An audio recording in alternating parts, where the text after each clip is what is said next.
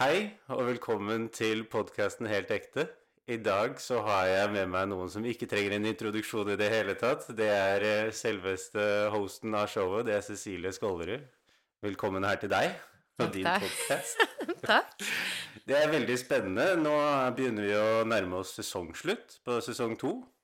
Og det er mye som er spennende og som er i vente. Og jeg har mange spørsmål i forhold til det. Og bare for å introdusere meg sjøl for podkasten, så er det jeg som er tekniker. Jeg redigerer og står litt bak scenen og er med på sånne forskjellige ting. Og jeg er så nysgjerrig nå. Hva blir veien videre? Hva er det du gleder deg mest til nå?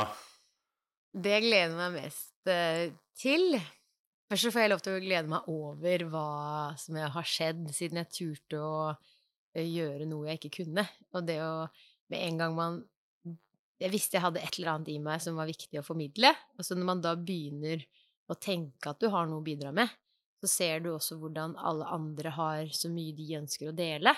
Og det at vi deler sammen, så har jeg lært så mye. Altså, og med en gang jeg lærer, så er det det at eh, en ting er hvordan jeg alltid har sugd ting til meg og tar ting for god fisk. Men så er det jo sånn at jeg har også lært noe om meg sjøl, at jeg ikke skal adoptere alt det andre kan. Mm. Men jeg bruker det i å bli nysgjerrig på andre ting vi ennå ikke vet. Og, og se hva er det vi faktisk vet, og hva er det vi ikke trenger lenger å krangle om. Mm. Og hva kan vi bruke det til for å eh, løse utfordringer som samfunnet står overfor i dag? Og jeg liker det, for du er så nysgjerrig på hva er det vi gikk glipp av? Og det er nettopp det denne podkasten også representerer veldig godt. Nå er vi to sesonger inn, og du hadde gått glipp av begge de to sesongene hadde du ikke tatt steget til å starte med.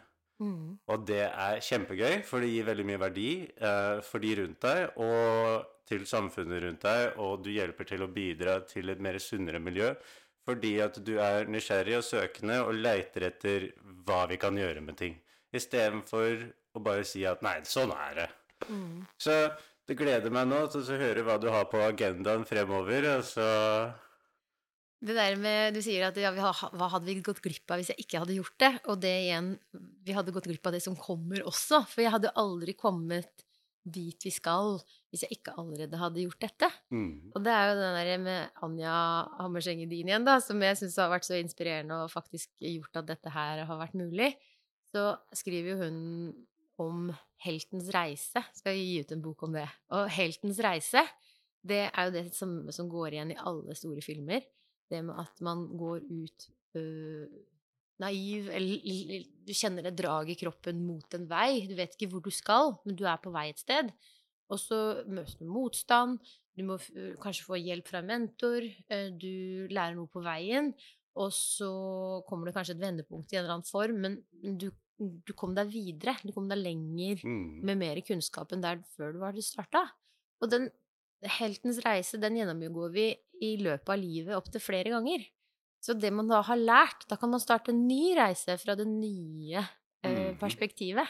Og man kan jo se for seg da livet som en reise at ja, kanskje du skal til eh, Kina, da. Så må du kanskje innom København og mellomlandet før du kan komme deg ut eh, de store kontinentene der borte. Men den derre første delen Du kommer deg ikke til Kina hvis kanskje ikke du mellomlander i København. Og det er litt det der, det var de to første sesongene har vært nå, at nå er jeg klar for å gjøre noe som jeg kanskje egentlig kjenner at å, dette her, det er skikkelig viktig for meg, det er skikkelig gøy. Mm. Og det er jo da å snøre opp alle disse tingene som jeg mener at vi vet, som ikke bare handler om tannhelse. Og jeg ser jo da foredrag i tannhelse der vi låser oss fast i periodontitt. Og hva vi vet om periodontitt. Og så sitter vi og hører på det samme vi har lært på skolen, men litt mer sånn ja, ja, men det vet vi jo. Ja, vi vet det. Og så skal vi lære det om og om og om igjen, sånn at vi skal sikre oss at vi ikke gjør noe feil. Og samme er det jo med hjertemedisin, og sånn er det med, med politikk, og sånn er det med alle felter, der alle sitter og vet masse innenfor sitt eget felt. Men vi glemmer å se hvordan alle disse tingene henger sammen, om at eh, vi er en del av et fellesskap. Det er det samme eh, som kroppen, da, som er en hel organisme som faktisk henger sammen. Men det er så vanskelig å forklare at vi er avhengig av å dele det opp for å forklare det. Mm. Og det at alle ser den derre detaljkunnskapen som det aller viktigste for å unngå For vi må jo forklare det så intenst og grundig, sånn at vi skal vite, vite at det er riktig. Så glemmer vi å heve blikket og se hvordan alt henger sammen i den store Vi glemte mattestykket, for vi ble så opphengt i svaret. Ja. Så, så det der med å eh, bruke da all nysgjerrigheten og alt det jeg hører folk forteller meg, som eh, stemmer med den indre tryggheten jeg nå har funnet på at jeg forstår litt sammenhenger, da. Da har jeg lyst til å, å formidle den gjennom historier som der gjester skal være med og fortelle sin historie, som på en måte skal vise at vi konkluderer med hva vi kan stole på som kunnskap som skal være med å løse helseutfordringer i framtida, da. Og sånn som jeg ser det, så henger jo skole og helse og ja, kultur alt er, alt er helse, tenker jeg. Mhm. Så vi må bare lære å være friske. Jeg tenker at det er så veldig viktig å, å putte, putte dette i fokus, og så syns jeg du har så mange flotte karakterer som du får innom podkasten. Det er så det er så veldig søkende også, så har jeg hørt det som er Som snakker som din personlige tekniker for podkasten, at jeg har hørt utviklinga di være enorm fra første sesong opp til nå, og jeg hører at du er mye mer trygg. Du er ikke så utrygg lenger. Du har vært inn i det mørke rommet, du har funnet ut at ikke det er så farlig, og du er nå klar til å gå videre. Og det syns jeg absolutt du fortjener creds for. For eh, det bringer eh, motivasjon, og det bringer eh, håp til andre der ute som sitter uten noen som helst, som ellers sitter ensomme, som ikke har noen å strekke seg til. Så det syns jeg er veldig flott med denne podcasten, og det syns jeg kommer veldig godt fram også. Og det regner jeg med at veldig mange av lytterne kan relatere til også, at de føler det samværet hvor vi ikke rører rundt grøten lenger, men at vi heller begynner å snakke om ting, og du gir plass for at det skal få plass, så de kan luftes og snakkes om i plenum. Og jeg syns at det er noe som skiller denne podkasten ut også fra andre podkaster, er det at det blir putta i fokus på hva kan vi gjøre med det. Det er aldri oppheng i noen ting eller noe debatt, det er bare hva kan vi gjøre med det. Og jeg syns det er en veldig fin holdning å ha, og det hjelper jo også deg i livet, det hjelper meg i livet, og det hjelper veldig folk flest til å overkomme. Vi skjønner det at vi er snart fremme. Vi, selv om det er en løgn, så må vi bare fortsette å fortelle oss det, fordi det er det som holder oss gående. Så vi vet hvor vi skal, og så må vi bare gå den veien vi gjør. Og den veien som du har gått, er jo beinhard. Du har jo ikke noe erfaring som en intervjuer eller noe mediekommunikasjon eller noen ting. Du er bare Etter manges øyne så ville du vært en alminnelig tannlege som bare fikser tenner til folk. Og fra en som kommer med mye skrekk og frykt, så må jeg si at du er så mye mer enn det, og du har hjulpet å rense hva en tannlege er for meg. Og det er en trygg person som hjelper meg og vil mitt beste, kontra det motsatte som jeg var opplært i. Så jeg er veldig glad for at du har denne podkasten. Jeg er veldig glad i de karakterene du har, og jeg syns det er veldig spennende, og jeg er så videre nysgjerrig på hva vi skal gjøre videre. Tusen takk for et veldig grundig, eh, godt kompliment og tilbakemelding. Ja, der var du god, Martin. Takk. Det er ekte. Det Ja. er som denne podkasten. Det er helt ekte, og det er det jeg liker med det. At vi kan snakke helt ekte om rene følelser og observasjoner sånn uten å legge lokk på noen ting. For jeg føler det er det som blir gjort veldig ofte feil i samfunnet, at vi putter lokk på ting, og så sier vi ja, men det bare er sånn. Så blir det da kategorisert, og det skaper utenforskap, og det skaper splid. Og når vi skaffer splid på den måten til noe som ikke skulle blitt splida, så er det et skille der. Sånn er det jo med vann også, for så vidt. Altså, en elv bringer vannet videre, og så har det plutselig en annen plass enn der det starta. Ikke nødvendigvis at den skal gå tilbake der den starta, men den må finne ut av hvor den skal. Så må vi passe på at vi tar vare på det vannet rundt oss, fordi at så fort det vannet forsvinner, så tørker vi ut. Når vi tørker ut, så er vi ikke mer her. Er, men da tar jorda til nytte for det vi hadde å tilby, og da spørs det hva er det du hadde å tilby jorda da, når du har skilt deg fra flokken.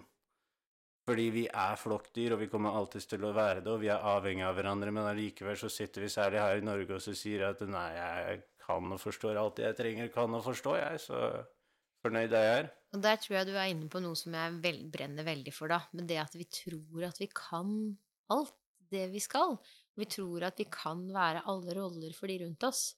Men at det som vi da vet om mennesket, er at vi har den sterke kollektive intelligensen, og vi har faktisk én hjernecelle som eh, er faktisk den kollektive intelligensen, eh, som gjør at vi klarer å binde oss til hverandre og ha den lære av hverandre. Og det at vi faktisk må heie på at vi er forskjellige, og snakke sammen, og bruke hverandre, og se at eh, eh, vi er et fellesskap, da. Og det der med at ja, vi skal heie på eh, individet også, for det er det som er viktig. Vi er en haug med individer, eh, så vi er ikke enten-eller. Men vi må Men det med polarisering, som også er et av målene for neste, neste sesong, å se hvor er det polarisering kommer fra. Hva, hvor står vi i dag, og hvilken rolle har du selv i polarisering som er i samfunnet? For det, vi ser ikke oss selv alltid. Det er så lett å peke på alle andre, hvordan eh, verden er forferdelig, og hvordan alt foregår borti Gaza, og, men, men, det å se egen rolle i der vi står, og hva er det en sjøl kan gjøre for å påvirke utfallet i andre enden. Mm. Og det er jo det der med at vi ikke skal være blinde på uh, Ja, bare rett og slett begynne å våkne litt, da, og ikke bare være en eh, passiv brikke i et system som vi peker på som er problemet. For det er mange som peker på ja, sånn er det bare, som du sier. Mm. Men er, hvilken rolle er det du kan spille, og ikke bare være en brikke? Mm. Og det sier jo Øystein Pettersen, som også har vært en inspirator til å sette i gang med podkast, var jo det der med å, å Når du er en del av noe, har du lyst til å være en brikke som andre bare flytter? Mm. Eller kan du være en spiller som legger en strategi for å påvirke utfallet. Mm. Jeg har jo jeg har jo et veldig godt eksempel å komme med der, fordi at eh, jeg har jo nå et valg. For når jeg satte opp podkasten nå, så kom jeg borti veggen din her, den blå, nydelige veggen din. Og den er det nå et lite hakk på, så jeg kunne jo valgt å ikke si noe. Jeg kunne valgt å si det før podkasten, men så tenkte jeg altså at dette er, er så gyldig ting i forhold til podkasten og hvem vi er. Bare at eh, jeg kan innrømme det her. Det var min skyld. Så, så, får du velge hva du gjør med det. Om den skal være fin og flott, eller om den får ha det hakket der eller ikke. Men iallfall når jeg da tar ansvar for min handling, så slipper det å gå utover andre. Så det at jeg tok ansvar her og nå, det slipper at en av ungene dine f.eks. får skyld over at det er et hakk i veggen. Og det kunne skapt et helvete som jeg aldri skulle ønske på noen. Så det handler om å bare komme clean, si det som det er, og så må vi jobbe med det. Det er veldig gøy det med eksempelet hakk i veggen, for vi har et veldig fint hus som vi bygde i 2018. Og da vi skulle invitere barna inn, så sa vi ikke ta på veggene, ikke ta på vinduer. det var liksom ikke og, de, og når de fikk besøk av venner, så fikk vi beskjed om Vennene får ikke lov til å ta på veggene. Men en av de første tingene som skjedde, var at en av vennene til Mons kjørte en rød lekebil utfor trappa, og da lagde flere sånne røde hakk i veggen nedover den hvite trappegangen. Men det igjen Det du, vet, du har fokus på, det du er redd for kommer til å skje, det skjer uansett. Det, og, det er uunngåelig. Mm. Men det, da det skjedde, så slapp vi på en måte å være redd for at uh, ja, ja, det var det verste som kunne skje. Og det kommer til det er ting Det er et hus Det er det, det samme som med nye sko. Når du ja. har nye sko, så passer du på å ikke hoppe i søleflekken, men når du først har fått en flekk der, så er det ai, ai. Men det å liksom slippe litt sånn derre Ja, ja. Hva er det egentlig som er så viktig? Er ja, hva henger jeg meg opp i? Men det er fint å ta vare på tinga sine. Det har vi snakka om veldig mye, Bjørn og jeg. fordi der med, Skal det være perfekt? Skal det være ordentlig? Det er godt å ta vare på tinga sine og være glad i tinga sine. Men det er også greit å vite forskjellen på hva er det som er ting, og hva er det som egentlig er ordentlig viktig for oss i en relasjon, da. Mm. Kanskje det er viktig å la barna ikke være redd for å gjøre feil og få hull i veggen eller hakk i veggen. Kanskje det er viktig å lære å ta ansvar og si at 'Å, jeg fikk tatt Det ble et hakk i veggen her. Det var meg.' Ja, så flott at du kan fortelle det. Og så hva kan vi gjøre med det, istedenfor at vi kjefter, da, sånn som du sier som et eksempel, noe som er når barn er redd for å få kjeft, at de mm. får angst for å få kjeft. Du legger inn en negativ energi som ikke trengte å være der, fordi ja. du skulle ha var kjærlighet, og så sier ja, men det forstår jeg, shit mm. happens, som vi ja. sier. Og så lærer vi Ok, hva lærte vi av det? Når det var iallfall bestemora mi og hennes barn Når en av hennes barn kom hjem og sa det at hun ble slått på skolen, så ble hun spurt med en gang Ja, hvorfor ble du slått? Hva er det du har gjort for å bli slått? Det var ikke 'stakkars' eller 'kom her, så skal jeg trøste deg'. Det er du må stå til ansvar, og så må du skjønne hvorfor du er blitt slått. Og hvis ikke du fortjener det, så kan vi ta det derifra. Men enn så lenge Hvorfor blei du slått? Det er der vi må starte. Og da er det sånn at eh, det er kjærlighet, istedenfor å si Nei, det går bra, det vet du, så bare pusser vi over. For det du gjør da, er at du tar vekk en læringsmulighet som barnet absolutt fortjener. Fordi hvis ikke så får de et problem med det seinere i livet, og det ser man jo flere klager på i dag. Og det er bare så absurd, fordi at folk, som vi snakka om akkurat, vi blir så opphengt i svaret, i fasiten, at det, det, er mer viktig å ha det riktig, så bakerst i boka så står alle svara, sånn at du veit at du tok riktig. Mens det er ingen som tviler lenger, for de veit de har rett. Og når du har den attituden om at du ikke kan ta feil, så klarer du ikke også å finne lykken, fordi at du blir så opptatt av å være en som alltid er ute etter den rusen av å ha rett. Og det blir så feil, fordi at vi er mennesker, vi skal samarbeide, som du sier. Vi har forskjellige roller og karakterer, og vi kan få bruk for alle sammen i samfunnet. Det er bare at de må få plass. Mm. Men når ikke de får den, så tar de den ikke heller. Fordi at det er ikke en kamp de er villige til å ta. Og der har jeg lyst til å inspirere de som ikke får den, til å lære å tørre å ta den. I den formen de selv ønsker, og i den mengden de selv ønsker. Og ikke bare få høre at nei, du skal passe inn her, og du passer ikke inn hvis ikke du kan bidra med så mye. Og uavhengig om det er det du ønsker eller ikke, fordi det er det vi har å tilby. Sånn, at det, sånn i en jobb, ikke sant, og veldig mange som da faller utenfor av pasientgruppe som jeg jobber med, som har et brennende ønske om å bidra i samfunnet, men ikke i en jobb som de ikke føler at de eh, har noe å bidra i, da. Eller kanskje som gjør at de blir enda sjukere eller slitnere, eller eh, som ikke er bra for dem.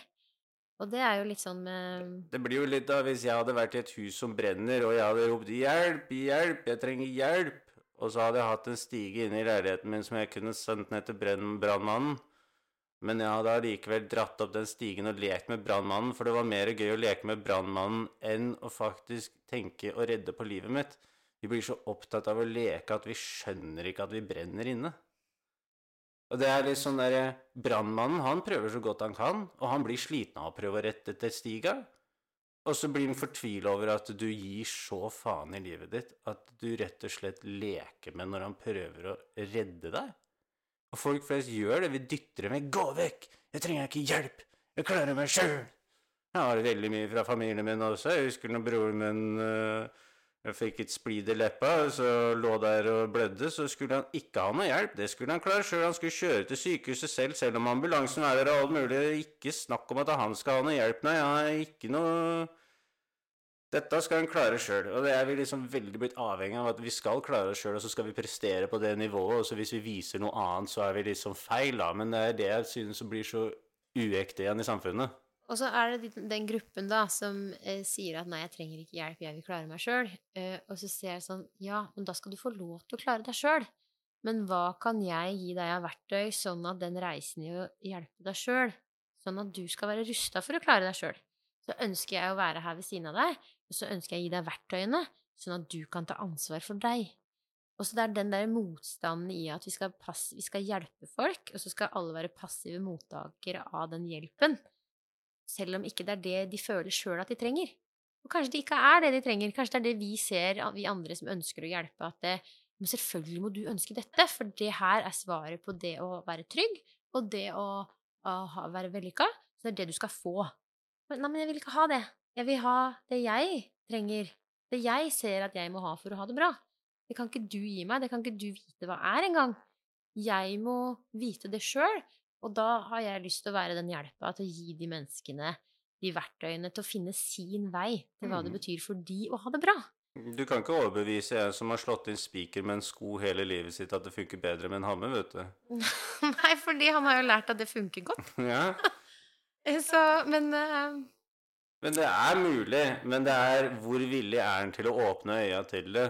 Ikke sant? Og det er veldig sånn at uh, vi tar forskjellig type plass. Og jeg kommer fra et sted hvor jeg tok veldig mye plass. Jeg tok all plassen. Jeg var center of attention hele tiden. Jeg var kjempeflink til å få det, og i dag så vil jeg absolutt ikke ha det. Eller det var i hvert fall når jeg gikk over til ungdomstiden, så ble det til at jeg ikke ville ha det fordi jeg var deprimert, så jeg ville ikke at folk skulle se på dette her. For jeg skamma meg. Jeg har ødelagt meg sjøl. Det er en kjempeskam. Og hva er det å vise fram, liksom? Og hadde jeg da vist fram det til verden, så hadde verden forma meg. Og den hadde forma meg akkurat sånn som den ville ha den, til sin egen gevinst. Om det så være underholdning, eller om det være penger, eller om det være det ene eller det andre. Det er alltid en kontrakt for noe, og så fort du begynner å skrive på den kontrakten, så har du gitt fra deg en del av deg sjøl, og du må være veldig klar over hva du går inn i når du går inn i det. Og det er det som skaper også folk så veldig utrygge, fordi at da vet de ikke hvor de skal starte, ikke sant? Nei, jeg har aldri bada før. Vil du at jeg skal hoppe fra åtte meter og ned i Er du klin gæren, ikke sant? Så har du valget, da. Ja, du kan prøve, eller så kan du la være, eller så kan du ta det på et annet nivå. Du må starte et sted, i hvert fall. Uansett hvor du starter, så vil du ende opp et sted. Akkurat som med denne podkasten, så har du bare starta et sted. Og det har bare gått og gått og gått, og du kommer ikke til å stoppe. Du fant ut av det at 'jeg elsker jo å bade'. Det er jo det beste! Wow! Hvorfor har jeg ikke gjort dette før? Og det er da Da finner man den lykken. Og det er en helt annen type rus enn den rusen du får av å måtte tilfredsstille andre. For det som vi ender opp med å gjøre, er at vi drar til kompisene våre for å sitte og ljuge i lag, og det er litt sånn der eh, Vi ljuger for å liksom eh, legge over sannheten, så vi kan heller kose oss i den der eh, lille drittbinga vi har skaffa oss sjøl. Men det er jo ikke der vi vil være. Men vi Og det der med Du sier da det at du du, du, vet ikke at du likte å bade hvis ikke du har prøvd. Og det med å tørre å prøve nye ting, og kanskje ikke prøve alt heller uh, Kanskje man må kjenne etter, lære å kjenne etter i magen. Bading, ja. Hvilke følelser vekker det hos meg? Ja, kanskje det vekker frykt. Og så kan man kanskje tenke ja, mm, hvor kommer den frykten fra? Hvis man tenker at det er farlig å bade. Og så istedenfor å unngå å bade, så kan man kanskje Er det noe mønstre her? Er det noe i underbevisstheten min som gjør at det skaper frykt i meg. Og kanskje det er det sant at det er farlig, eller er det bare noe jeg har trodd ut fra hva jeg har opplevd som jeg ikke husker, som har gjort at jeg opplever det at det å bade er farlig. Og hvis man da tar et oppgjør og er nysgjerrig på det som gjør at du unngår å gjøre ting, så kan man også se at ja, kanskje det er for at hjernen er jo sånn at den skal holde oss trygge. Så disse følelsene som gjør at vi unngår ting, de er der for å holde oss trygge. Men å se på eh, hvis vi da ser at eh, ja, er det, er det, helt sant at det holder meg trygg, eller gjør, hindrer det meg faktisk fra å nå min, eh, et mål da, som jeg ønsker å utvikle meg? Og det å utforske hva som ligger i underbevisstheten vår som gjør dette her, og finne ut av det, sånn at man kan gå videre med en ny sannhet, sånn at man skal kunne gjøre nye ting, gjøre utvikling. Og hmm. det er jo også Og hvor den derre indre drivkraften av eh, hvor vi skal gå, og hvor vi skal videre. Det er det vi skal utforske neste sesong, og det er kjempespennende. For alle vet jo at intensjon Du må følge, du må stole på intensjonen din. Du må følge magefølelsen. Jeg har vært mye på gründerkurs i det siste, og det derre med og, og, Det handler om å tørre, og det, og det er, men, men hva er det, da? Hva er intuisjon? Det er det sånn der, eh, vi ikke kan snakke om, for da begynner vi å gå over i religion og det overnaturlige og tro og ikke sånne håndfaste ting, så det tør ikke folk å prate om. Og det er også noe som jeg syns var skummelt i starten da jeg skulle begynne med podkast, at det her handler om mine meninger, mine tanker, andres ærlige tanker og hvem andre er, som jeg da skal tørre å, å, å eh, ha en relasjon til som kan farge et bilde av hva andre ser på meg ut fra hvem jeg inviterer inn i podkasten. Det er veldig sånn skummelt, fordi hvis jeg ikke passer meg, så kan jeg bli putta i en boks. Mm. Og hvis jeg nå skal begynne å snakke om hvor intuisjonen kommer fra, og hva er det det å være menneske, så er det veldig filosofisk. Og da jeg begynte å lese filosofien, så er det ikke veldig langt fra filosofi til religion. Eller eh, filosofien har prøvd å forklare uh, hva, hvor religionen kommer fra. Det er veldig sånn mye der som eh, jeg lett kan tenke at det kan være litt utfordrende å ikke bli kasta i en bås. Så jeg jobber jo for et boksløst samfunn, og jeg skal være veldig bevisst for å prøve å unngå å havne i en boks, da. For det, det Jeg hører ikke hjemme i noen boks. Det var meg. Kan heller være Istedenfor boks så kan det være kategorier, og så burde det vært lagt på en annen slags type kategori i forhold til hva slags verdi det kan gi tilbake, enn istedenfor hva som er så fryktelig med de verdiene som de har. Så her i Norge også så har vi jo respekten for alle sammen. Allikevel så er det jo veldig norsk kultur da, å oppføre seg pent og sitte og være stille og sånt noe. Men det er Jeg kjenner jo det også at det er en så Det er en så disconnect, da. Fordi at vi skal liksom prestere hele tiden. Vi skal late som. Så når jeg tar buss og sånt veldig ofte, også, så ser jeg det her i norsk kultur at vi er veldig tilbaketrukne, og vi sitter veldig for oss sjøl og liker ikke å sitte ved siden av folk, og vi står heller selv om det er ledige seter og det er liksom sånne ting som bare skjer her i Norge, og det er fordi at vi har så god plass her i Norge. Vi har en enorm plass. Vi er, vel, vi er ikke så veldig mange folk i dette landet. Det er et ganske stort land, og likevel så samler vi oss sammen i enkelte steder fordi at uh, vi har en komfort ved, ved samfunnet vårt og nærvær av andre, selvsagt, og at vi kan skape det miljøet, da, så sier vi det at vi sier til hverandre Ja, ja, det er bare å si hei og vinke til hverandre og være blid og fornøyd, og så glemmer man det litt, og så legger man det bort, og så bruker vi mer energi på å se vekk enn å si hei til folk. Fokuset blir så feil. Og så igjen så lærer vi at du blir glad av å vinke til noen. Du blir glad av å mm, smile til noen, men så er det sånn Altså at du skal romme følelsene til barna. Det er så mange gode råd overalt. Men det at hvis vi lærer verktøy til å føle oss trygge, til å stole på hva som drar oss, så kjenner vi at når vi ser et nytt menneske, så er det egentlig en naturlig respons å søke, for vi er født nysgjerrig. Hjernen er mm. nysgjerrig. Det er naturlig å se på det mennesket og kanskje også si hei. Jeg har blitt så inspirert av barn ja, når jeg er på tog, for eksempel, og så ser jeg da mange sånn stressa mennesker, mange hyggelige mennesker på tog òg, mange som smiler og sier hei også men spesielt barn. De går da uh, fra sete til sete bortover i toget, og så ser på alle og sier hei! Mm. Med det nydeligste, nysgjerrige, åpne blikket. Og, det er så, og mens moren da sitter og bare 'Å nei, nå prater barnet mitt til noen igjen', og nå bryr de de menneskene der borte. Men du ser jo aldri noen bli sinte på det barnet som sier hei. Og det er sånn, hvorfor Men da avlærer vi allerede det barnet fra at du ser en bekymra mor som er redd for at barnet skal drite seg ut, eller drite henne ut ved å ikke ha oppdratt barnet strengt nok til å bare sitte helt stille, mm. eh, så, så tar vi det allerede så tidlig, dessverre, inn i en sånn derre innlært eh, mønster i at vi ikke skal bry andre med å trenge oss på. Mens vi egentlig trenger det så inderlig. Vi gjør det, og selv når disse små barna kommer, ut, kommer opp til oss, så smelter vi sjøl. Fasaden mm. forsvinner. Og det er det vi er så opptatt av også, at det skal se så fint og flott ut at vi glemmer funksjonalitet. Mm. Landet vårt skal se så fint ut, fremst i, i, i forskning og rike og vi, Altså, vi er langt framme i teknologien. Vi er nesten en av de fremste fordi at vi skal liksom være det lille landet som redder hele verden. Og det er ikke riktig, fordi at når vi ser på Norge også, så ser vi at vi er ikke et lykkelig folkeslag når vi går og gjemmer oss. Det er først når vi skinner lys på det, sånn som du gjør med veldig mange, at vi begynner å se folk for hvem de er. Men de er så vant til å sitte i mørket, og vi har blitt veldig komfortable der. Så vi gikk fra et sted hvor vi skulle være trygge, til et sted vi er komfortable. Og da når folk begynner å tulle med komfortsonen din, så blir folk aggressive. Og det du sier da med, det, med, den gruppen som faktisk ikke har det så bra Når jeg inviterte Stjernekast, hun eh, som skriver disse Brukspoesi, kaller hun det, og når hun har så sykt mange følgere som hun har, og alle føler seg ensomme og ikke forstått, og ikke en del av et fellesskap, tenker jeg her er det jo da, når det er så mange som føler seg misforstått og alene i sine valg i livet, hvorfor kan ikke de finne sammen? Hvorfor kan vi ikke være oss selv og vise hvem vi er? Hvorfor, hva er det som gjør at alle har det behovet for å skjule seg og føle seg så alene?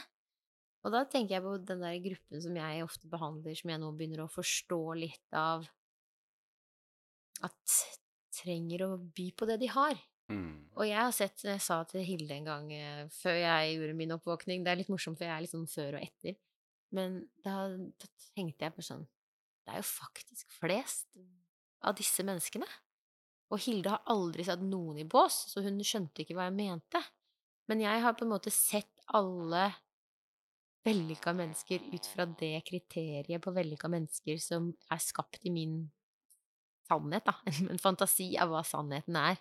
Som du sier, det Norge som du skisserer. Det lykkelige Norge der Mm. alle Det er tjener nok penger, alle sitter trygt igjen. Det er det bildet vi har gitt, Ja. og det trenger ikke å være sånn, fordi det er fortsatt bare et bilde. Mm, Det men, forklarer hva det er, men det er ikke. ja, og når jeg da ser at det er den behagelige fasaden og det behagelige bildet av alle de som sitter trygt, det er det jeg tenkte var der. Men så ser jeg faktisk at ah, det er faktisk flest av de som sliter litt. Det er faktisk flest av de som har utfordringer.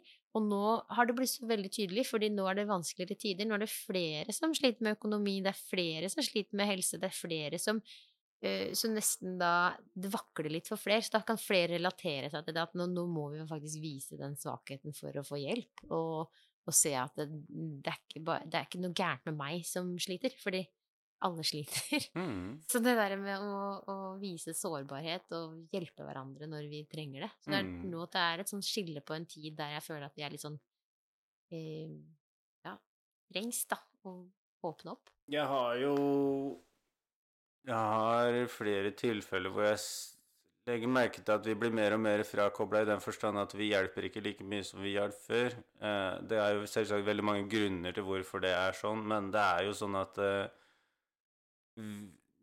det kan for Du skal egentlig, hvis du er en som oppdager en ulykke, og du er den første som oppdager det, så skal du ta hånd og hjelpe dette mennesket som er i en ulykke. Du skal ikke bare kjøre videre, for du vet aldri hvor langt nestemann er unna, og i det hele tatt om han hjelper, eller hva han kan, eller noen ting.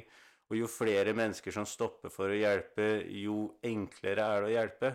Men når vi prøver aleine å hjelpe, og ingen andre gidder å stoppe, så kan hende at vi til og med mister det livet. Og hvem er det som sitter på det med samvittigheten, da? Det er ikke de som kjørte forbi. Det er han som valgte å stoppe for å hjelpe. Hvorfor skal han måtte lide for det? Jo, fordi at folk flest fraskriver seg ansvaret og gidder ikke å stoppe for å hjelpe. Så vi ender jo opp med å bare si nei, jeg har ikke dårlig samvittighet, for jeg, jo, jeg er jo ren som bare det, jeg.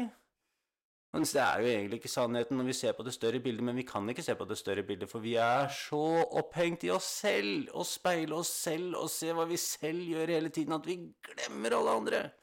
Jeg tenkte på det da vi snakka om eh, Nå er vi jo i Gaza-konflikten, som eh, males over hele media, men da det var den store Syria Da det kom masse flyktninger fra Syria, og mange sa at de må jo slippe alle inn i landet. Og så er det litt sånn, ja, det er jo en sånn enkel tanke om at man skal hjelpe å tisse i buksa hvis det er kaldt, liksom. Det, det, det er kortsiktig, enkel tankegang. Men hvis du ser eh, hva er grunnen til at vi ikke hjelper alle og tar inn alle, det er jo eh, ja, kunne vi ikke gjort det? Ja, vi kunne gjort det, men hva er det Norge er, og hva er disse landene? Hva, det er veldig spennende bare å reflektere over, og jeg har ikke noe fasit på det. Men det jeg i hvert fall så, var at da Titanic sank, så var det jo mange sånne livbåter eh, Det var ikke nok livbåter til alle, men det var noen som kom i livbåtene, og de så at folk plaska og frøys i hjel der borte, men de turte ikke å ta veien tilbake. Ja, for da mister de sin plass. ja, og så var det jo også sånn at eh, realiteten hadde faktisk vært også at de mest sannsynlig hadde sunket alle sammen fordi det blei for mange i de båtene. Mhm. Og det er rasjonelt. Likevel så var det en som sa vi må jo dra tilbake og hjelpe! Og ble trua på livet at nei, her sitter du stille i båten, og så redder vi livet, og ellers så dør vi alle sammen.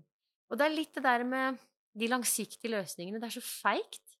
Men vi sitter faktisk da i Norge i den der båten i Titanic. Mm. Men vi ser ikke Vi, vi skylder på de der feigingene som satt der stille i båten og ikke gjorde noen ting. Men det er jo egentlig her vi sitter, i, i hvert fall da, sånn som jeg, da. Som sitter i det fine huset mitt i, trygt i en varm sofa og har det godt. Hvis ikke jeg kan i hvert fall by med det lille jeg har, eh, så er jeg jo ikke noe bedre enn de som sitter i den båten i Titanic og ikke gjør en skitt. Folk må jo være fornøyde med det de har, og når de ikke klarer å gjøre det, eller så blir fokuset helt feil. Men jeg syns også det viser ekstra kjærlighet til han mannen som sier at vi må ut og redde alle andre også. Det er jo kjærlighet til hjertet hans som strekker til de som trenger hjelp, mens de andre er så bekymra over seg sjøl at de klarer ikke å tenke rasjonelt. Og da også er det jo heller bare, sånn som vi sa i stad også, bedre å bare kjøre forbi, da, og så late som ingenting, og så fortsetter vi. Men så, spør vi da, er det noe gærent? Nei da, alt går bra. Har du så bra hatt det? Mens i sannheten så gjør det vondt, fordi at vi skulle ønske at vi strakk det mer. Og når ikke vi gjør det, så straffer vi oss selv, sånn som jeg driver og gjør også. Når ikke jeg strekker meg til det jeg skulle ønske at jeg klarer å strekke meg til, så går jeg og straffer meg sjøl. Og det fortjener ikke jeg, fordi at jeg prøvde. Så jeg gjør ikke meg sjøl en bjørnetjeneste. Jeg er min beste venn og min verste fiende. Man er sin egen lykkesmed, som de sier. Og det er det at eh, hvor takknemlig klarer du å være for det du har? Og hva er det du har til overs, og hva er det du kan gi? Det er jo ingenting jeg har fått som jeg ikke kan gi. Så hvorfor i all verden skal jeg ikke kunne gi det hvis det er til overs? Og jeg tenker nå var jo du gjest. Du var en av de første gjestene. Ganske tidlig ute i rekka, i hvert fall. Ja, nummer seks eller syv eller noe. Og hva, hva Da jeg spurte om du kunne være gjest, eh, hva betydde det for deg? Hva, hvordan var det, og hva har du Kan du fortelle hva Jeg syns jo det var veldig spennende på forskjellige planer, fordi jeg syns du er en veldig interessant karakter. Og så syns jeg at eh, historien min Igjen, da. Jeg er blitt gitt den historien som jeg har, og det er min oppgave å dele den. Og hvis ikke jeg deler den, så er jeg egoistisk. Og da betyr det at uh, jeg skåner meg sjøl overfor å faktisk eksponere sannheten.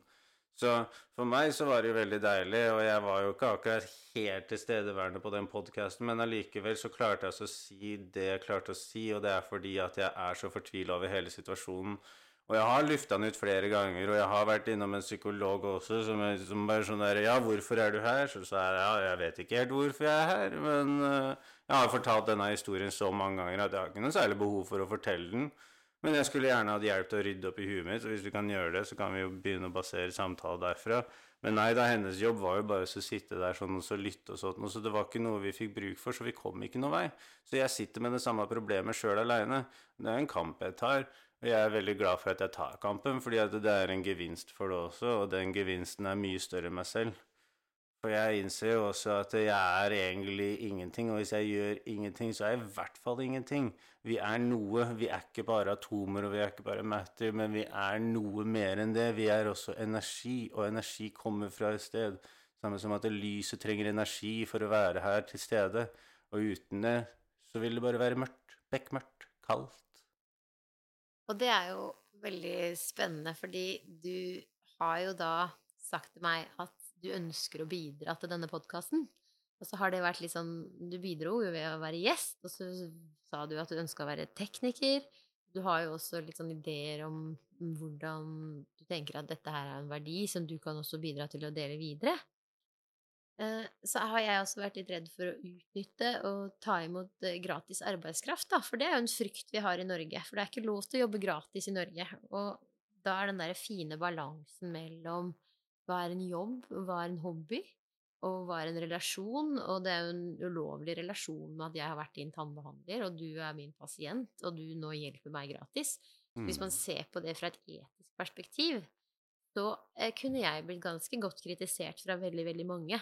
Eh, så vet jeg at eh, mine intensjoner er rene, og jeg stoler på at du setter dine grenser for deg, for vi er ganske ærlige med hverandre. Mm. Og da gidder ikke jeg gå rundt og være redd for å bli tatt på å gjøre Tenk ting. Tenk deg den energien du hadde brukt på bare å være redd for det. ja. du, eh, det hadde ikke gjort meg en tjeneste i det hele tatt. Da hadde det jeg hadde bidratt med, vært bortkasta.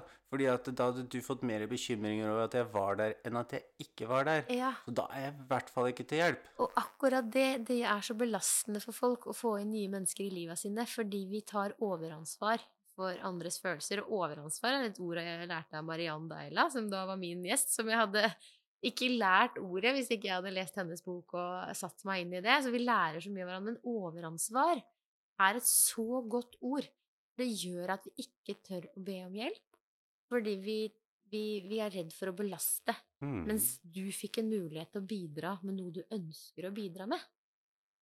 Det er jo sånn at jeg ser for oss også, da, når vi går rundt med disse ryggsekkene på ryggen vår, så er det sånn at den ene ryggsekken er tungere enn den andre. Og hvis du tenker at ja, jeg er sterk nok til å ta den ryggsekken, så jeg kan ta den ryggsekken for deg, så gjør du meg ikke en tjeneste. Det eneste du gjør da, er jo også bare fjerne det som er en del av meg. Men hvis du ser at det er så tungt, så kan du spørre er det noe jeg kan gjøre for å gjøre det lettere for deg. Det er en annen måte å fremgå på. Det er kjærlighet for den andre. Det er ikke kjærlighet for seg sjøl for det andre. Den første påstanden er kjærlighet for seg sjøl, for du er så bekymra og orker ikke alle disse tankene om at den sekken er så tung at han ikke bare ikke, jeg puster og peser og jeg blir så sliten av å se på den. Nei! Og hvis det er sånn at han ville ha hjelp, så hadde han spurt om det, for det er det vi gjør som mennesker. Vi tar med oss livet, og så går vi. Og noe jeg har lært på gründerkurs, for jeg har gått på gründerkurs, jeg òg, er det at jeg syns det var så interessant når han bringte opp det at uh, i hvert liv så har vi hver vår pose. Og i hver vår pose har vi forskjellige ting. Oppi den posen så var alt vi ville ha. Alt er oppi der. Og posene våre, de er gjennomsiktige. Så vi kan se og observere hverandres poser, og vi kan se verdien i dem, og så veier vi det opp med vår egen pose, og så sier vi Nei, jeg er fornøyd med posen min, jeg. Det er akkurat det jeg ville ha oppi posen min. Så man må bare innse at du har det du vil ha, og hvis ikke du har det, så må du gjøre noe med det. Og det er jo å sette seg et mål, og da blir veien enda enklere når du veit hvor du skal. For da kan du begynne å navigere igjennom. Men før det så vil du bare være stående fast. Og det var det samme med meg også før jeg møtte deg. Jeg sto fast. Jeg hadde ikke noe å gjøre, jeg hadde ikke noe å bruke den energien på. Jeg får kjempemye igjen av å bidra til podkasten, fordi det er så mye mer større verdier enn alt det andre greiene. For det er ikke verdt noe i min pose. Odd, når du snakker om gründerkurs, så møtte jeg også en på gründerkurs som eh, hadde en idé. Og hun var veldig, hun ville ikke fortelle meg sin idé, for hun var så redd for at noen skulle stjele ideen. Og da tenker jeg, med min idé, så er jeg så inspirert av en annen podkastgjest som heter Steinar Kaspari, som da sa at den synergieffekten og det der med å dele og spre sin kunnskap og hva man har å by på, det er liksom den derre tilliten til andre mennesker og det å fremsnakke andre mennesker, at jeg ser at det det jeg skal gjøre, det jeg har lyst til å bli Jeg har tegna et svært kart over hva jeg har lyst til å få til. Det vet jeg at ikke jeg kan gjøre aleine. Og jeg vet at jeg kanskje da heller er en igangsetter eller en katalysator eller hva du velger, men jeg er ikke den store gjennomføreren. Og der trenger jeg folk. Mm. Og hvis jeg skal holde da alle ideene mine for meg sjøl, det skjer ikke. Nei. Det vet jeg. Det blir ikke bevegelse, for du sender ikke signalet. Det er sånn en computer funker òg. Ja. Alle komponentene er kobla sammen, og de snakker med hverandre feilfritt hver gang. Og ja. så fort de begynner å ikke snakke med hverandre, så får du error. Ja. Og derfor må vi også tørre å bruke det vi kan fra teknologibransjen inn i den der eh, helseutviklinga, mm. der vi ikke skal sitte på hver vår tue og hver for forståelse og at eh, byråkratiet føler seg trua fordi man kommer med ny kunnskap som utfordrer de gamle måtene å behandle på, eller Det er liksom sånn Vi må se at tillit er veien å gå til å få det bedre. Og der er en av barnefilmene og Raya og den siste dragen den beste på å vise at verden går under hvis vi ikke vi begynner å gi hverandre tillit.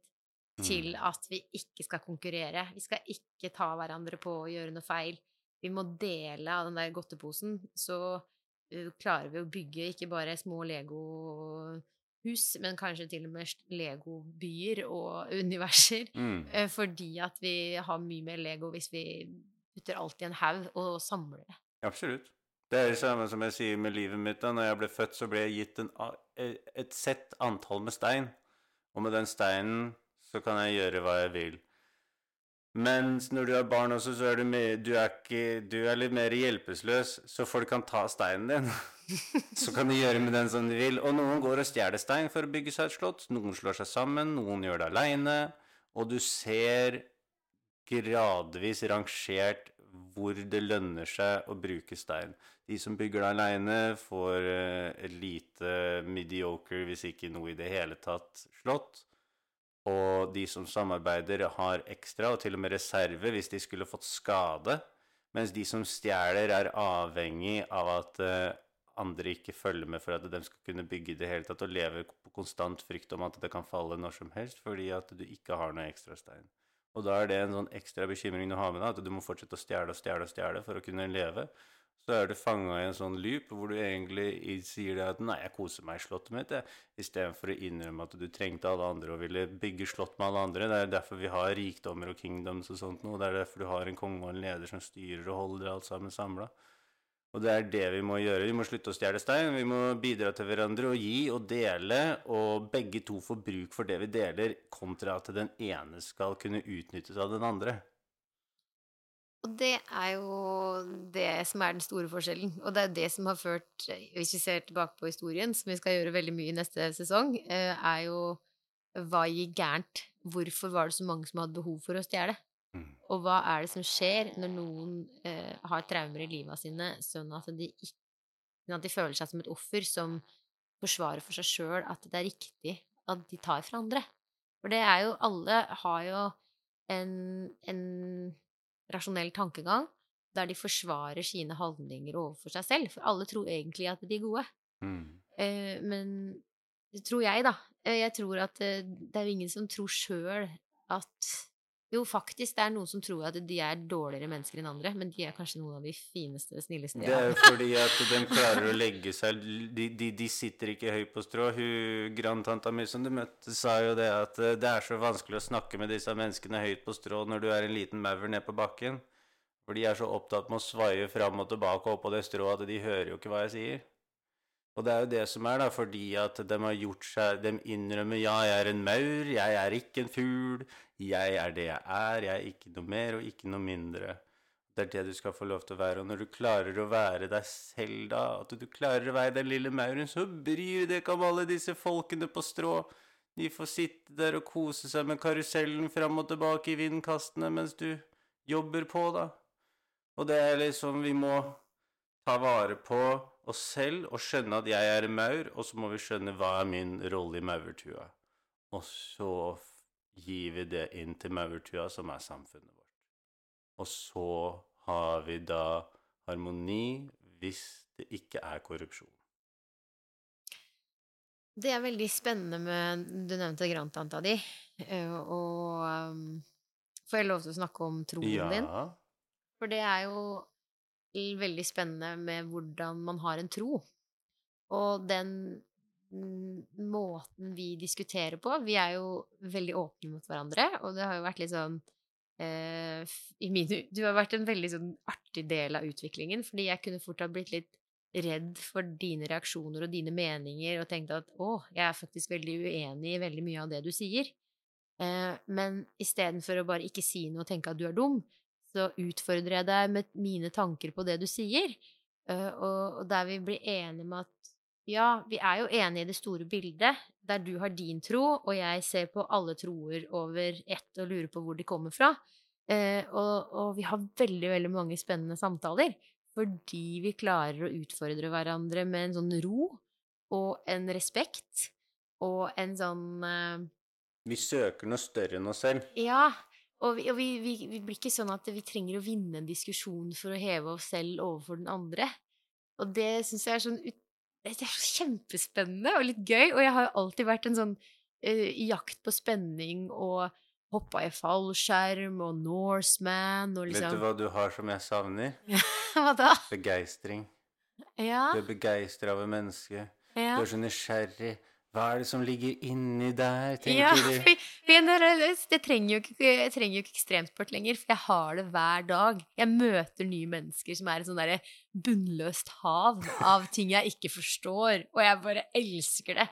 Så jeg syns jo da at eh, eh, verden er en sånn stor godtebutikk, alle disse menneskene jeg kan glede meg over å bli kjent med. Og det tidligere også så lærer vi jo på skolen og overalt at vi må ta vare på vennene våre, for du har fått en venn. Og den vennen, den er livsviktig for at du skal være lykkelig videre. Mm. Så det er det vi lærer. Vi lærer at du er avhengig av et annet menneske for at du skal være lykkelig videre. Og det lærer Og på skolen så er skolen ganske fortvila over foreldre som kjører en kjempehard kamp for at de skal få gå sammen med den vennen de har fått i barnehagen, på skolen. Og det vil lære barna våre at den vennen, den må du svelge kameler for å beholde. Du kan ikke være deg selv alltid, for du må liksom kjempe med denne vennen, sånn at vi kanskje kan beholde denne vennen resten av livet. Mm. Fordi at det er så trygt, for da kanskje du slipper å bli mobba.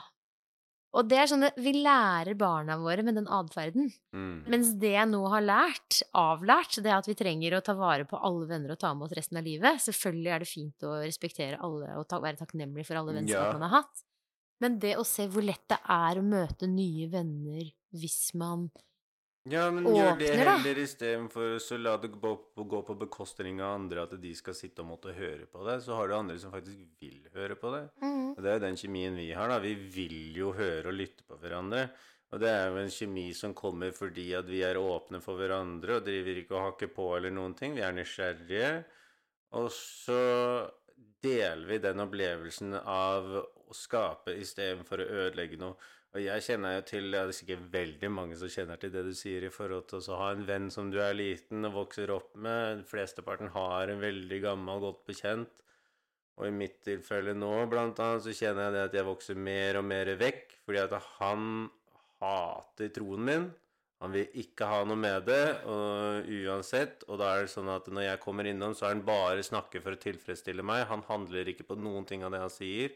Han bare sitter og snakker for å tilfredsstille. Og det er ikke jeg ute etter.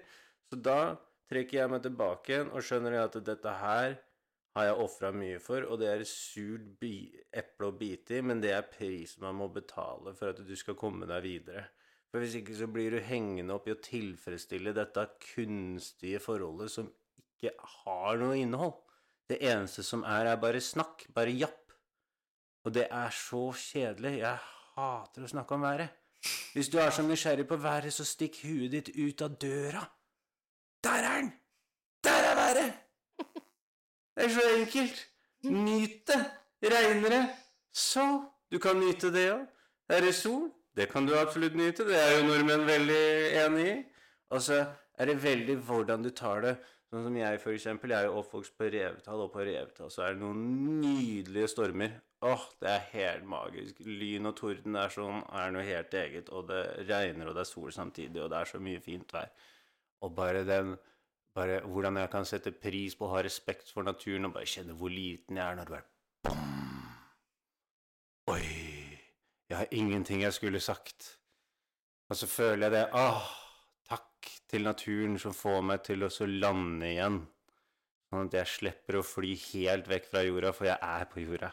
Og her snakker du om at du ikke liker å snakke om været. Likevel så snakker du så lidenskapelig om været, men fordi at du forteller om den følelsen været vekker i deg. Mm. Og derfor har vi ganske mange spennende samtaler, fordi at vi Det med å dele hva ting får deg til å føle, og det der med å være nysgjerrig på sine egne følelser, og også være nysgjerrig på andres følelser, sånn at du kanskje kan eh, si sånn Ja, du ble kjempeirritert nå.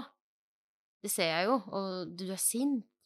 Eh, er det noe godt for deg?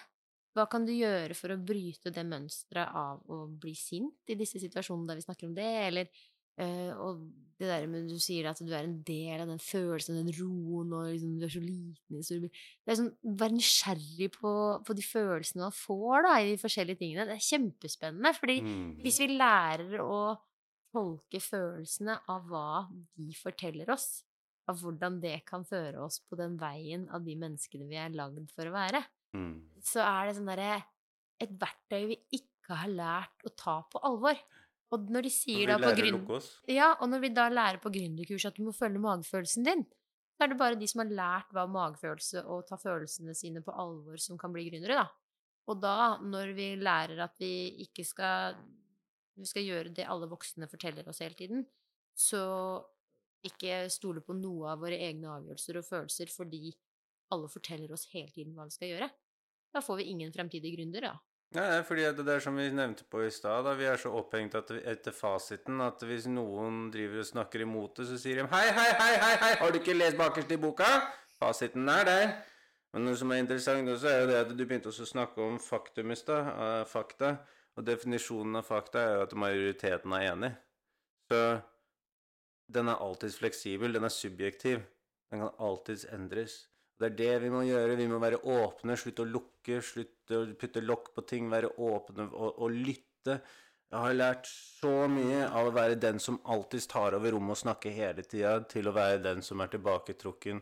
Og det skjedde fordi at jeg tok til meg en egen regel. Nå sa jeg til meg sjøl Du, nå, Martin, nå syns jeg du snakker litt mye. Så nå syns jeg du skal ta deg ti sekunder og holde helt kjeft og bare lytte. Og når jeg starta med det, så var det, er- var det hensikten om at eh, ok, når du blir bedre til å lytte, så kan du ta det ned til ni sekunder. Så åtte sekunder. Så syv sekunder. Og da må jeg virkelig være sikker på at eh, det funka på syv sekunder. Hvis ikke så må jeg opp på åtte igjen. Og det jeg gjør da, er det at jeg straffer meg sjøl for å bare snakke hele tiden, sånn at jeg faktisk tilvenner meg å lytte. Og etter jeg begynte å lytte, så har jeg samtaler istedenfor å snakke. Det er helt annerledes. Fordi jeg er med. Jeg jatter ikke. Jeg sitter ikke der og bare prepper, og jeg putter ikke lokk på ting. Jeg er åpent og sier 'ja, men så spennende'. Hva er det? Hvordan gjør den det? Og er nysgjerrig istedenfor å bare si 'nei, det er det'. Har du ikke skjønt ennå at to pluss to er fire? Er du stokk dum, eller? Så det er liksom den attituden vi har, da. Så vi liksom prakker på hverandre istedenfor å booste på hverandre. Og jeg har jo vært veldig mye borti mobbing og sånt noe. Jeg har jo vært eh, For å få anerkjennelse og oppmerksomhet og sånt noe, så måtte jeg mobbe for å være på toppen. Og jeg var veldig flink til å mobbe, og jeg lot meg aldri bli mobba. Og hemmeligheten bak det var fordi at eh, jeg tok meg ikke nær av det, for det var så sårt at det var jeg som mobba. Hvis du mobber, så har du det veldig vondt. Og det er de som tar seg nær av mobbing, som har det for bra. I forhold til at man blir fort skjemt bort og 'Å nei, kom her. Å, skada du deg? Å nei, huff.' Og det er disse menneskene som får gjennomgå hardest på ungdomsskolen. De hardeste. For de blir så pekt på. Og hver gang du reagerer sterkere og sterkere, så kommer den hardere og hardere. Og det er det jeg har gjort. Og da skjønte jeg det at nå må jeg kutte ut, for dette her sånn gir meg ikke lykke. Men jeg skjønte jo at det var noe gærent med meg og ikke alle andre. Men det kan ikke de skjønne. Så jeg føler jo veldig for dem, og jeg har møtt noen i etterkant også hvor jeg har hatt så dårlig samvittighet at jeg klarer ikke å snakke. Nei. Jeg klarer ikke å si et ord. Nei. Jeg klarer jo å si hei og ha den der overfladiske driten, men jeg klarer virkelig ikke å gå inn til kjernen til det, for det var så rått og stygt. Ja. Og det er Jeg er jo på sosialt entreprenørskapskurs for å utvikle alt, alle disse ideene som jeg sitter på, og da har vi en av de som er der. Hun har en datter som har vært mobba, og hun har vært da i rettssak og ser hvordan også den familien til mobbeofferet på en måte blir eh, blir sett på som problemet, da. Og det er sånn veldig spennende. Jeg har lyst til å ha henne inn i podkasten for å nyansere hva er mobbing, hvem er offeret? Og jeg, som jeg sa, da hun skal utvikle sitt nettverk, så sa jeg men det her burde jo tatt inn foreldrene til mobberne også. For hun mener jo at det, det er jo foreldrene som trenger verktøy til å takle Enig. være der for barna. Og det gjelder jo ikke egentlig bare mobbeofrene. Det, det er jo også mobberne. Begge har problemer. Begge er ofre. Det er ikke en vinner og en taper i dette her. Alle i samfunnet har en rolle, og når du fratar dem den rollen, så blir de sinte. Og når du ber dem om å holde kjeft når de er sinte, så dreper du dem. Ja. Fordi at det sinnet våkner fordi de kjenner deg feil. Og da må de få lov til å tale, og da må vi lytte. Det er jo til neste år. Ja, Kan ikke du fortelle meg, så kan ikke du spørre meg litt, da? Det er du Jo, som eh, jeg skal har- spørre deg nå. Det her blei jo ikke noe intervju, for det her blir jo bare en av de der eh, en- gode samtalene. Men det er det jeg tenkte. Litt krem på starten og litt krem på slutten. Litt kaffe i midten, vet du. Ja, ja, ja. Så jeg må da spørre deg, siden vi begynner å nærme oss slutten, er jeg veldig nysgjerrig på hva du ønsker å få ut av neste sesong. Ja. Takk for at du spurte. Fordi eh, jeg har jo da eh, Podkasten er jo en del av det å åpne opp for eh, å spre informasjon. Og når jeg ser da alle som har blitt kjent med det offentlige, jeg har blitt kjent med pasientgruppen jeg ønsker å hjelpe, jeg ser at det er skrikende behov for det jeg ønsker å tilby, men fordi jeg er tannlege, og fordi tannhelsefeltet er så lokka inn i et system som vi er vant til å behandle på et visst måte, så får jeg liksom ikke innpass. Og så er det lett da igjen å havne i en sånn offerrolle at nei, det går ikke fordi det er så vanskelig. Og så har jeg jo lært mange verktøy da, til å unngå å sette meg selv i den rollen og si at det er vanskelig, så da gidder jeg ikke. Da prøver jeg heller å lære. Nå har jeg søkt masse, jeg har gått på øh, Jeg har fått masse nye bekjentskaper. Jeg har gått på sosialt entreprenørskapskurs der jeg har satt meg inn i hvordan komme over disse eh, hindrene. Mm.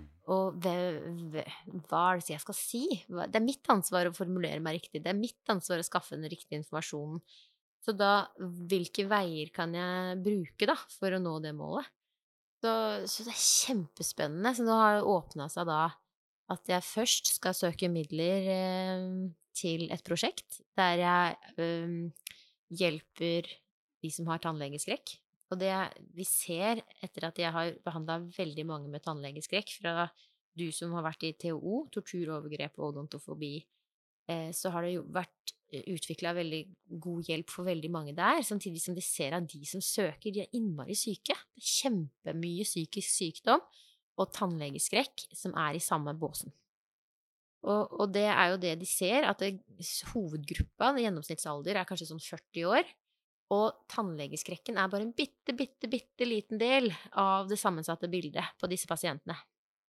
Og når vi da ser at vi trenger å forebygge psykisk sykdom, det er det som samfunnet står utenfor, ovenfor. Og så er det også utenforskap som følge av dårlig økonomi, arbeidsledighet og psykisk sykdom.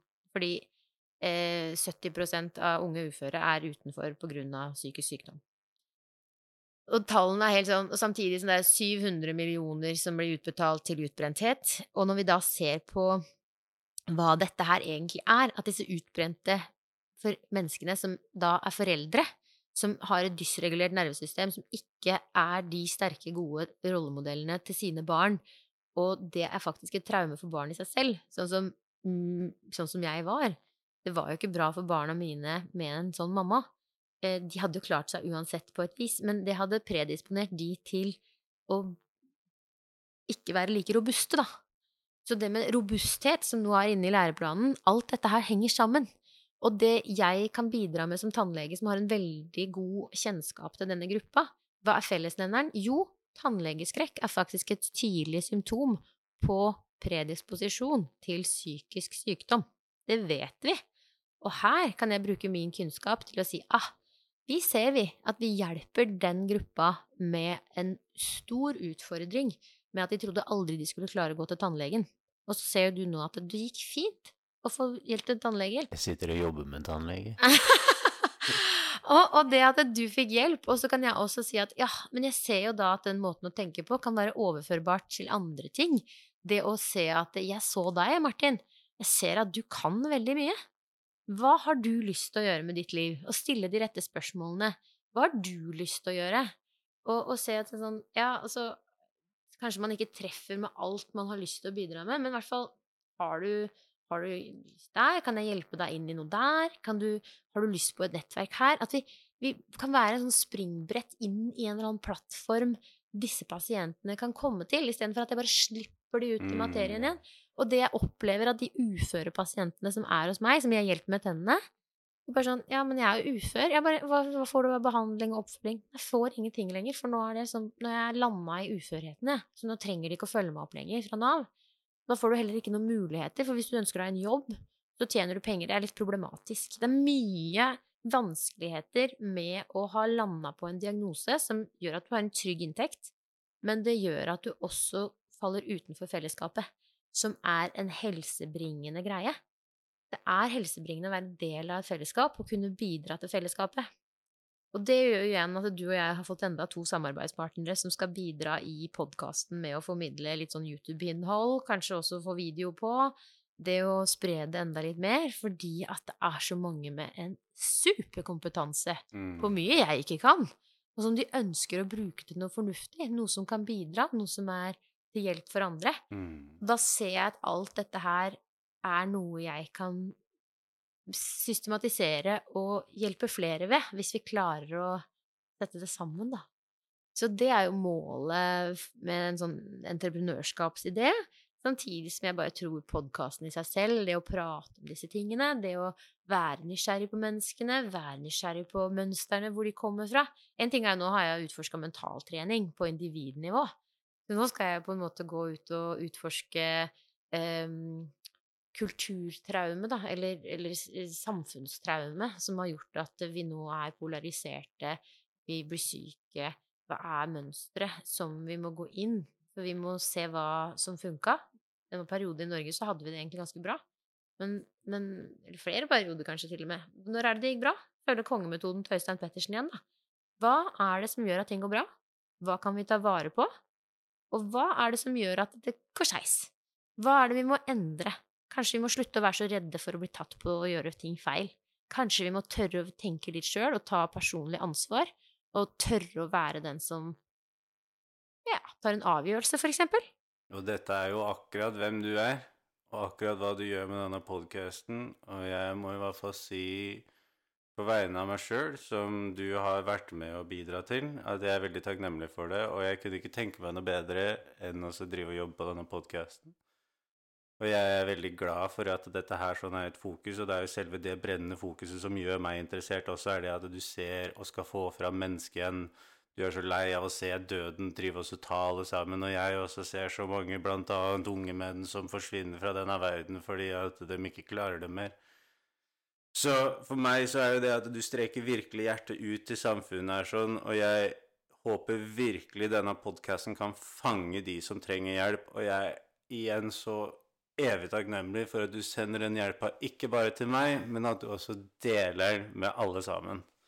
Så jeg gleder meg og er superinteressert i å høre hva du har i å komme nå neste sesong, og det er så spennende denne veien som du gjør. For det er ikke bare en vei du går, det er en reise som du har. Og den reisen, den uh, vet jeg du nyter så godt som du kan, og jeg må si at uh, du har en knallgod attitude. Og med den attituden så kommer du til å komme langt, og hvis ikke i mål, og til og med kanskje over mål uten at du legger merke til det. At du bare fortsetter og fortsetter og fortsetter, for det er deg. Og det der med å nå målet, det er jo Jeg, kan, jeg vet at det er jo ikke noe mål, jeg bare ser at det, det er hele veien, da, som er Som du sier Det er derfor du gikk forbi mållinja? jeg tror egentlig jeg har gått forbi den målstreken som jeg Litt mange ganger, kanskje? Og det at jeg har nådd det målet ved å ikke være redd lenger. Og det at jeg har jobba i det samme stedet siden jeg var nyutdanna tannlege i 2009, mm. og prøvd å strekke meg etter et eller annet jeg ikke helt visste hva var, og så ser jeg at det, frykten for å ikke ha noe å gjøre, frykten for å ikke være flink nok, frykten for å vet ikke, til slutt så var det jo ikke noe at jeg visste hva jeg var redd for lenger, fordi jeg hadde det så bra, men jeg bare leita etter noe fortsatt å bekymre meg for.